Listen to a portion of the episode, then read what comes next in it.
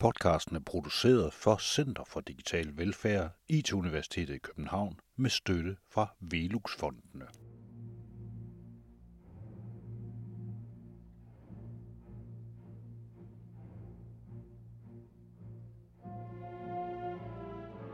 Velfærdssamfundet opstod i 1950'erne, og ingen vidste, hvad det var. For nogen var det et højdepunkt og resultatet af en udvikling, der havde givet økonomisk velstand i en grad, så alle nu havde mulighed for at dyrke kultur og åndelighed. For andre var velfærdssamfundet en potentiel undertrykker, som ville gøre alle ens, og hvor den unikke ener ikke længere havde noget at stræbe efter.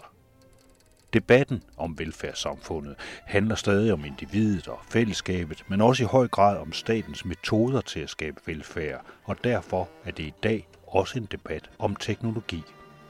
Så hvad er velfærd i dag? Hvad er digital velfærd? Jeg hedder Anders Kjærulf, og i den her podcast der spørger jeg kunstnere, intellektuelle og meningsdannere om, hvad digital velfærd er for dem. Øh, hvilken retning? Jamen, jeg tænker, at hvis vi nu går op ad Ørnevej, og så går ud i Pipfuglekvarteret, fordi det er noget med vinger. Nå ja. Og der tror jeg ikke, der er så meget trafik der. Så jeg tror ikke, det kommer til at fungere meget godt. Det tror jeg, det gør. Simone Åberg Kern er pilot og kunstner. Hendes mest kendte billede er nok statsministerportrættet af Anders Fogh Rasmussen med en Hercules-flyver hængende lige bag sig. Og så har hun fløjet sit eget lille fly fra Danmark til Afghanistan midt under krigen. Det beskildret i filmen Smiling in a War Zone. Vi mødes foran hendes lejlighed på Nørrebro på dagen, hvor hendes søn skulle begynde i skole igen efter måneders corona-nedlukning. Og jeg har taget noget digital velfærd med i tasken. Hvad er det? Det er min drone. Den forlænger mine øjne. Den er jo dy- dybest set en form for... Den er i hvert fald digital. Man kan sige, at min drone, det er et stykke digital velfærdsteknologi, som forlænger mine egenskaber, forlænger mine øjne efterhånden, som København ekspanderer og lukker sig ned, så kan jeg stadigvæk nå horisonten igennem min drone, der kommer op over husene. Hvor længe har du haft den drone? Jamen, den har jeg haft øh, her under den nye nedlukning. Øhm, skifter lige side her. Øh, jeg har haft min drone under den, den sidste nedlukning her i vinteren 2020 og så ind i 21. Øh, og den er blevet sådan et, et øh, den er blevet min hund, min digitale hund, eller kat, ah, kat kan man ikke gå tur med, men min hund, der skal ud og luftes hver gang, at det bare er en lille bit smule flyvevær. Øh, og jeg kan sådan komme i luften, uden at forlade mine børn for længe. Så det har, det har været sådan et, et, en overlevelse, kan man sige. Ikke? Det her kinesiske stykke øh, mere eller mindre intelligente software, som sikkert øh, ja, beskriver min position og gør mig endnu mere transparent. Øh, det giver mig en, en type af, af frihed, der gør, at jeg kan overleve mit coronafængsel. Øh, Så man kan sige, at det er en slags sut eller narkotikum, der gør, at jeg kan klare min fængselstilstand. På samme måde som Facebook også er en, et, et stykke velfærdsteknologi, der gør, at, at vi har... Ja, det er en type af morfin eller sådan noget. Ikke? Det er lidt ligesom at have, have sprøjten i armen, mens vi ligger nede på sofaen øh, og, og tror, vi kommer ud, mens vi bare bliver federe og federe. Jeg ved ikke, kan du huske Wall-E? Wall-E? En uh, Disney-film uh, med en robot, som sådan en affaldsrobot, som bliver efterladt på jorden, efter at øh, menneskeheden er taget på cruise ud i universet, mens øh, robotterne skal rydde op efter alt vores forbrugslegetøj. Øhm, og man kan sige, at Wall-E er også et stykke uh, sundhedsteknologi øh, i forhold til at, at få vores ej, lad os lige starte forfra. Nu er jeg lige mod et eller andet. By and large, everything you need to be happy. Your day is very important to us. Hey, drink the bus. Here, take the cup. Hey, take the cup. Please remain stationary. A service bot will be here to assist you momentarily. Stewards. Hello. Jamen, det er det, der er interessant med, med Wall-E. Øh, filmen, det er, at øh, menneskeheden er blevet i sit forbrugsfængsel i en grad, så hele jorden er fuldstændig smadret. Og der er kun robotter tilbage på jorden, og menneskeheden er taget på cruise. Og de bliver bare federe og federe, og armene og benene bliver kortere og kortere, og de ligger og på sådan nogle øh, svævende solstole og transporteres rundt mellem, mens hele verden er blevet så enkel og let øh, via al den her velfærdsteknologi, at al menneskelighed på en eller anden måde er taget fra os. De sidder og, de ligger og kigger ind i skærmen, og er ikke engang opmærksom på øh, dem, der er ved siden af. Det interessante i filmen er, øh, nu skal vi passe på, at vi ikke bliver kørt over her, fordi der er stadigvæk mennesker, som går ud på jorden. Ikke så mange, men øh, jeg kan se, at der er en Tesla, der er ved at blive hentet herhen. Sådan meget apropos de her kørende robotter, så Teslaen repræsenterer vel på nogle punkter også lige præcis de der øh, sådan flydende stole, de ligger og kører rundt i, altså sådan en selvkørende bil, men bare sætter sig ind i, og som skal lades en gang imellem, og som selv finder vej og sådan noget. Nu, lige nu står der altså en her, kan jeg se, på, en, på et fejebræt. En Tesla på et fejebræt. En fin hvid Tesla, som måske er løbet tør for batteri. Ja, det er koldt. Batterier har det ikke så godt med kulde. Og jeg synes, det er ret, jeg, jeg synes faktisk, at alle skal se, når vi begynder at tale velfærdsteknologi, så tænker jeg, at vi alle sammen skal se Wall-E igen. Og lige tænke over, hvad er det for noget velfærdsteknologi, vi ønsker os. Altså velfærdsteknologi, bare hør ordet. Ikke? Det smager metallisk i munden. Det er, øh, det er der, hvor at vi dyrker, at vi er så få her i den vestlige verden. Vi dyrker, at vi kan undvære hænderne, og de varme ord. Og så kan vi dykke ned i robotteknologiens øh, fantasmer, hvor vi bliver mere og mere frustrerede i mødet med de digitale løsninger. Mere og mere ensomme i vores eget lille hjemmebo, mens vi kan glæde os over, at det ikke er et menneske, der skal tørre i røven, men en robot. Så går pinligheden væk på samme måde, som pinligheden går væk, når min søn han dykker ned i sin Playstation og ikke har lyst til at komme i skole igen, fordi livet er så meget lettere uden menneskelig kontakt. Men det gør os også ensomme. Sundhed, noget af det vigtigste for sundheden, det er jo faktisk den sociale kontakt. Og altså, jeg har jo oplevet sammen med min drone, at jeg er blevet gladere. Ikke? Min drone kan jeg snakke med. Min drone siger mig ikke imod jeg kan blive irriteret på den, når forbindelsen glipper osv. Men jeg er nærmest forelsket i min drone. Så det kan teknologien også. Vi kan også lave robotter, som ser menneskelige ud. Der begyndt at lave, blive lavet sådan, altså virkelig humanoide robotter, som har øjenbevægelser og blød hud og kan lægge hovedet på skrå. Så vi kan sagtens lave menneskelige robotter. Igen, Wall-E. I Wall-E-filmen, så er det jo sådan set, at de her, der er to robotter, som redder menneskeheden. Så selvfølgelig kan vi lave, kan vi lave en AI, som måske til sidst bliver mere menneskelig end os, hvis vi putter de rigtige ting i den. I, i Wall-E, der gider AI'en jo sådan set heller ikke at overgive styringen til menneskerne, fordi at der er den, den sidste, det sidste menneske, på broen, eller dem, der, der sendte menneskene afsted, øh, tænkte, at øh, det ville sgu aldrig blive godt på jorden igen. Så derfor så var ingen grund til, at menneskerne skulle tage over. Øh, jeg synes, der er noget... Jeg er pilot, og jeg er også en kvindelig pilot. Så derfor så kender jeg selvfølgelig Emilia Earhart, som var den første kvinde, som fløj over Atlanten. Men hun fløj over Atlanten som det, hun betegnede som en sæk kartofler. Det var ikke hende, der fløj. Der var to mænd med på flyvningen, og hun var passageren. Bagefter så tog hun flyvercertifikat og fik fat i fly og lavede sin egen mission, hvor hun selv fløj over og styrede. Hun endte med at crashe, da hun nåede Irland. Men hun kom over. Hun kom ikke helt frem til, jeg tror, Paris var hendes mål eller sådan noget. Så hun fejlede, og mennesker fejler, men hun styrede selv. Og jeg synes, det er utrolig interessant at tænke over, om vi virkelig har lyst til at afgive styringen, eller i hvilken grad vi har lyst til at afgive styringen. Altså det er selvfølgelig fedt, hvis man ligger og pendler frem og tilbage i sin egen lille lortebil, øh, at man ikke behøver at sidde og speede op og bremse ned og sådan noget, hver gang man skal på købemotorvejen.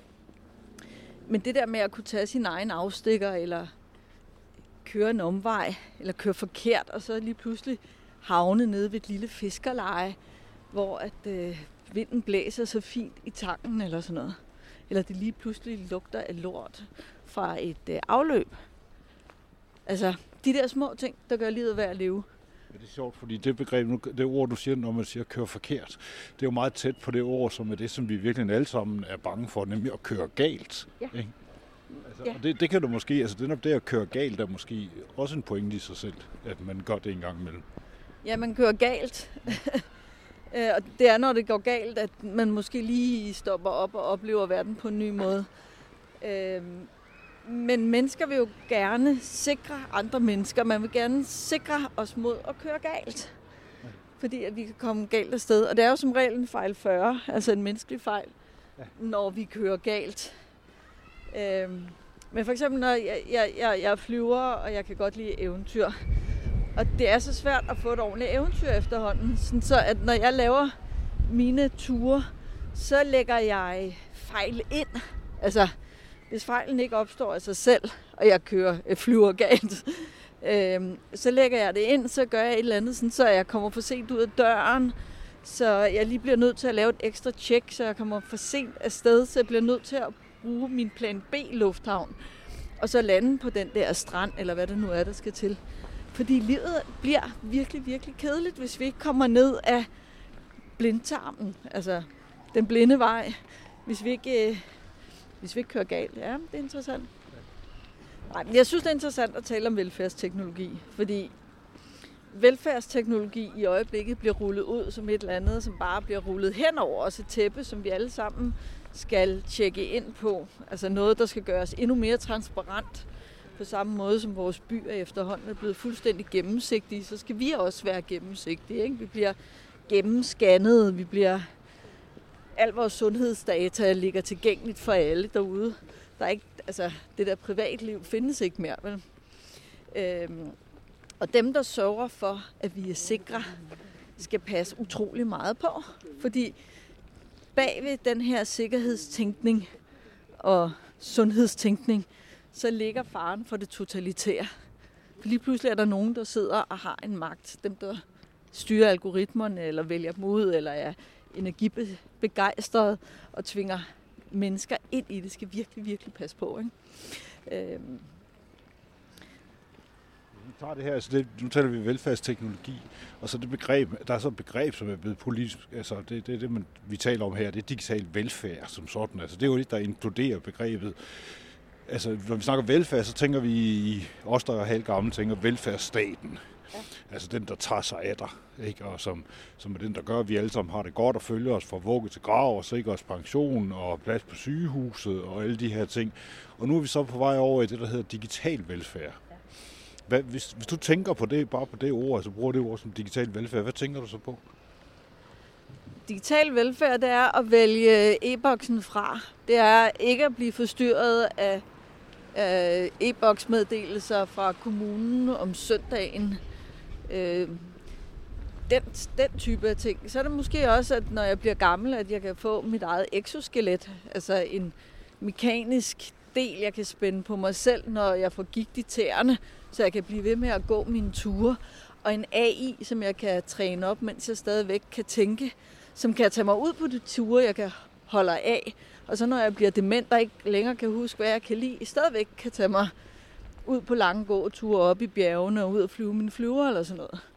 Øhm, det er velfærds, digital velfærd for mig.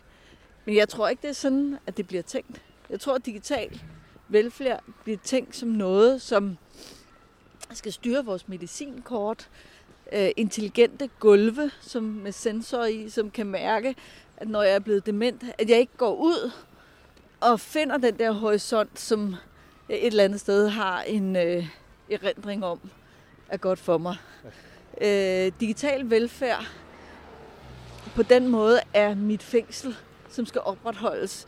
Det er vægge, som kan vise mig træer og vand uden at jeg får våde fødder eller risikerer at drukne mig selv. Øh, det er digital velfærd af det fængsel, der gør, at jeg ikke sætter mig en kold dag på en bænk som denne, når jeg er blevet gammel, og så bare aldrig rejser mig igen. Der er et udtryk, det hedder, det er et meget interessant emne, du er inde på der, fordi der bliver, for, der bliver forsket meget intenst i nu, hvordan man ligesom holder styr på demente mennesker på plejehjem, øh, som kan finde på det. Jeg tror, det hedder, at de, de ambulerer, hedder det. Og det vil sige, at de begynder at gå rundt. Øh, og det, det har, de har en tendens til at rejse sig op pludselig og så gå en meget lang tur, og der er ikke rigtig nogen, der forstår hvorfor, eller hvad de skal, og de kan så ikke finde hjem igen. Og det regnes for en plage af systemet, at de gør det øh, fordi så skal der nogen ud og finde dem, og politi og efterforskning og alt sådan noget. Derfor så prøver man at finde en måde, hvor man sådan henholdsvis måske kan hegne dem ind sådan øh, GPS-agtigt, så der kommer en alarm, hvis de går ud eller et eller andet. Øh, men der er så også en masse diskussioner om, kan man gøre det her etisk og sådan noget for at holde styr på det. Altså jeg synes jo selv, at den, den virkelig simple løsning, det er jo at sørge for, at der er nogen, der kan gå tur med folk, når de har lyst. Præcis. Og det er jo faktisk interessant, fordi vi er på en klode, som har ret mange mennesker, og vi bliver stadig færre, selvom at øh, den eksponentielle vækst er en lille smule faldende. Så bliver vi stadig flere og flere, samtidig med, at vi i de, den vestlige verden ikke kan forplante os. Så i stedet for måske at få al den her teknologi ind og gøre os alle sammen hjælpeløse og øh, arbejdsløse, så kunne det jo være, at vi i stedet for skulle have nogle mennesker til at lave de her ting, når vi nu ved, at velfærd og det sociale er så utrolig vigtigt. Jeg tror ikke, der er nogen, som har været igennem den her coronakrise, som ikke ved, hvor meget det sociale betyder nu. Hvor meget den menneskelige kontakt betyder. Hvor forfærdeligt det er at holde teamsmøder. Min far, han var praktiserende læge. Og han uddelte selvfølgelig medicin og sådan noget.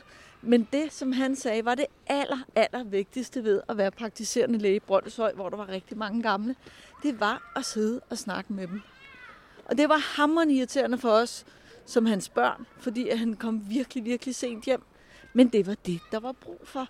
I langt de fleste tilfælde, så er det snakken med lægen, som gør dig rask, mere end det måske er medicinen. Og i hvert fald så har du også en større chance for at finde ud af, hvad der rent faktisk ligger bag hvis du har tid til at tale med dine patienter.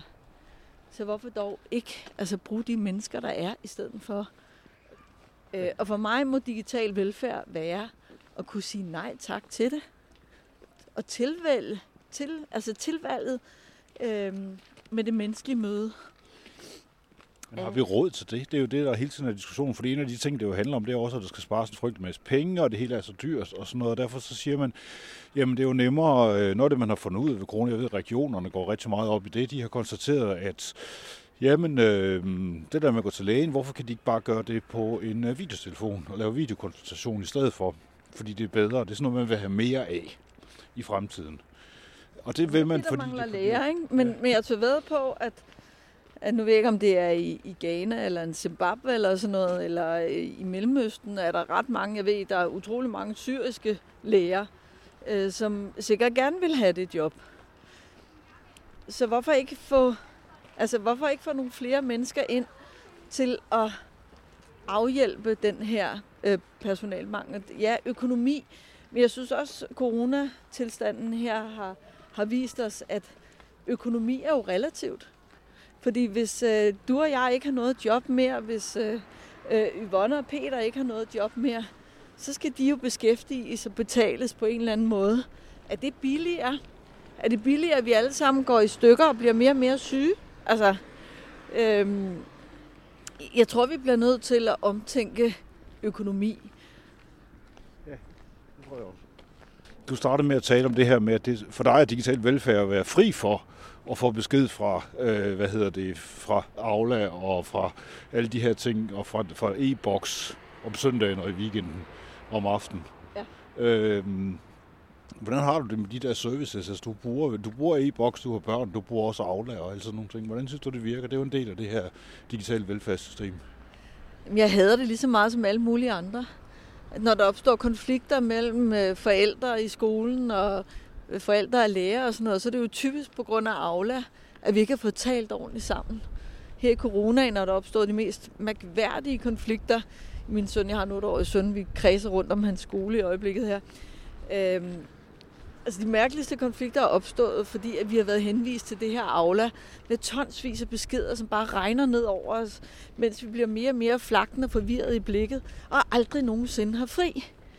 Man er, jo, man er jo bevidst om, at stress er en faktor, fordi at man ikke ligesom kan koble af på noget som helst tidspunkt. Og samtidig med, at man er blevet mere bevidst om, hvor farlig stress er i samfundet, og hvor vigtigt det er at holde fri, så er det offentlige begyndt at udrulle deres digitale løsninger og overpøse os på tidspunkter, som passer i forhold til den digitale slagplan, men er fuldstændig ligeglade med menneskelig velfærd. Så digital velfærd bliver menneskelig destruktion og stressreaktioner. Og jeg har det fuldstændig på samme måde. Jeg bliver skræmt, når der kommer øh, beskeder fra skat i weekenden eller i ferier eller midt om natten, og jeg er så velopdragen, at jeg ligesom tror, at jeg bliver nødt til at tjekke det, og det kunne også godt være et eller andet, som var frygtelig, frygtelig vigtigt. Øhm, så altså, hvis man skal have digital velfærd, så bliver man nødt til at gøre det sådan, så at borgerne har kontrol over egne oplysninger. De har lov til at vælge til og fra, hvornår de har lyst til at holde hænderne på styret. Og de har også lov til at vælge til og fra, om de vil have en robot til at tørre sig i røven, eller et menneske. Og det er fuldstændig essentielt. Vi har ikke brug for alle de her digitale løsninger. Jeg tror ikke, der er nogen af os, som er blevet mere frie, eller har fået mere tid, efter at vi er blevet bundet til vores iPad'er. A is for Axiom, your home sweet home. B is for by and large, your very best friend. Time for lunch. In a cup. Og hvor afhængige er mennesker af andre mennesker, tror du? Jamen, jeg tror, det er fuldstændig... Altså, vi er flokdyr. Vi kan ikke leve uden andre mennesker. Altså, når øh, de der syv mennesker bliver sendt til Mars en gang, og aldrig kan komme tilbage, så skal du bare se løjer. Der er blevet lavet eksperimenter. Hvad hed den? Bio... Over i Arizona. Biosphere var et meget godt eksempel på, hvor galt det kan gå. Øh, Og de havde endda nogen. Så at blive isoleret, der er jo ikke nogen af os, som ikke ved, hvor dræbende det er at være isoleret. Vi ved det nu, efter corona. Så det er lige præcis nu, at vi har chancen for at lægge roret om. Det er os, der har hænderne på rettet. Det er os, der har fat i styrpinden, og vi behøves ikke at flyve lige lugt ned i bakken. Min søn havde ikke lyst til at gå i skole den her gang, efter den her corona-oplukning. Han har været fuldstændig ivrig de andre gange. Men nu er han ligesom gået så langt ind i sin Playstation og sit Fortnite, øh, hvor han kan købe nye skins og være kvinde eller mand eller whatever. Øh, så, for, så nu turer han ikke rigtig her til morgen og gå i skole igen. Og jeg er rigtig spændt på, når jeg møder ham. Men jeg tror faktisk, at når jeg møder ham, så vil han være glad og have et helt andet lys i øjnene igen. Så derfor så skal vi altså passe på med den her malighed. Hvis vi bare lader den styre, og vores frygt for fejl og køre galt, hvis vi lader den styre, så kan vi lige så godt uploade os selv til det store telebevidsthed med det samme og droppe kroppen. Attention, Axiom shoppers. Try blue. It's the new red. Så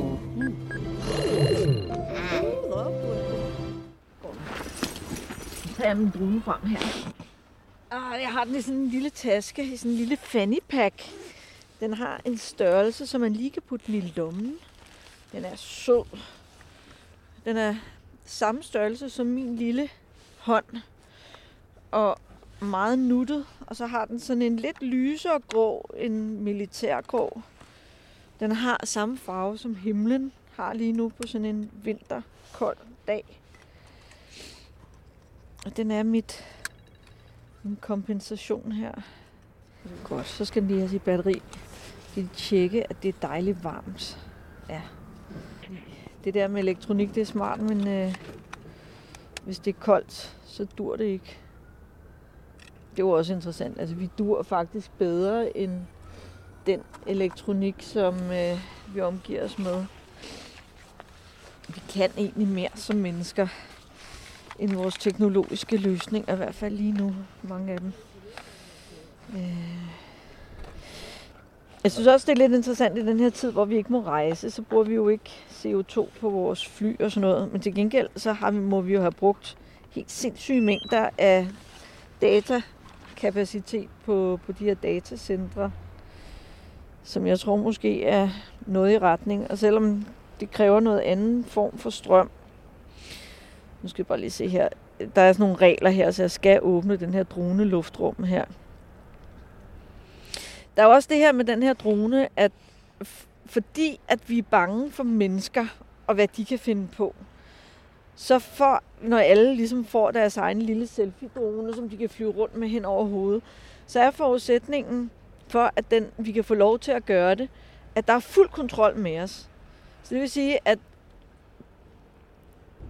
øh, Luftfartsstyrelsen ved, når jeg flyver med min drone, DJI, DJI som er et kinesisk selskab, de ved, hvor jeg er, når jeg flyver den her. Nu starter den lige op her. Nu. Den larmer ikke ret meget. Pas på, at du ikke får fingrene i propellen. Og det gør jeg simpelthen for, at den ikke er for kold.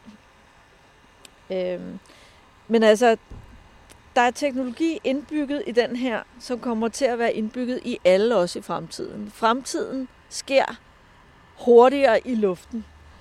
Øhm, så den her teknologi, som er den her drone, den kommer til at gælde for os alle sammen. Og det betyder, at vi bliver geofenset. Altså der kommer et, ligesom for de demente, så kommer der et hegn rundt om os. Og hvis der er nogen, der ikke synes, vi skal uden for det hegn, så kan de slukke for os. Jeg kan ikke flyve med den der drone, hvis... Øh, nu skal lige passe på her. Nu skal du se her. Hvis øh, der er nogen, der ikke vil have det. Du skal passe på, nu letter, letter jeg lige her. Åh, oh, det gjorde jeg ikke. Det gør jeg så lige nu. Sådan der. Kan I høre den? Den lyder som en bi. En lille irriteret bi. Prøver jeg lige at lande den derovre.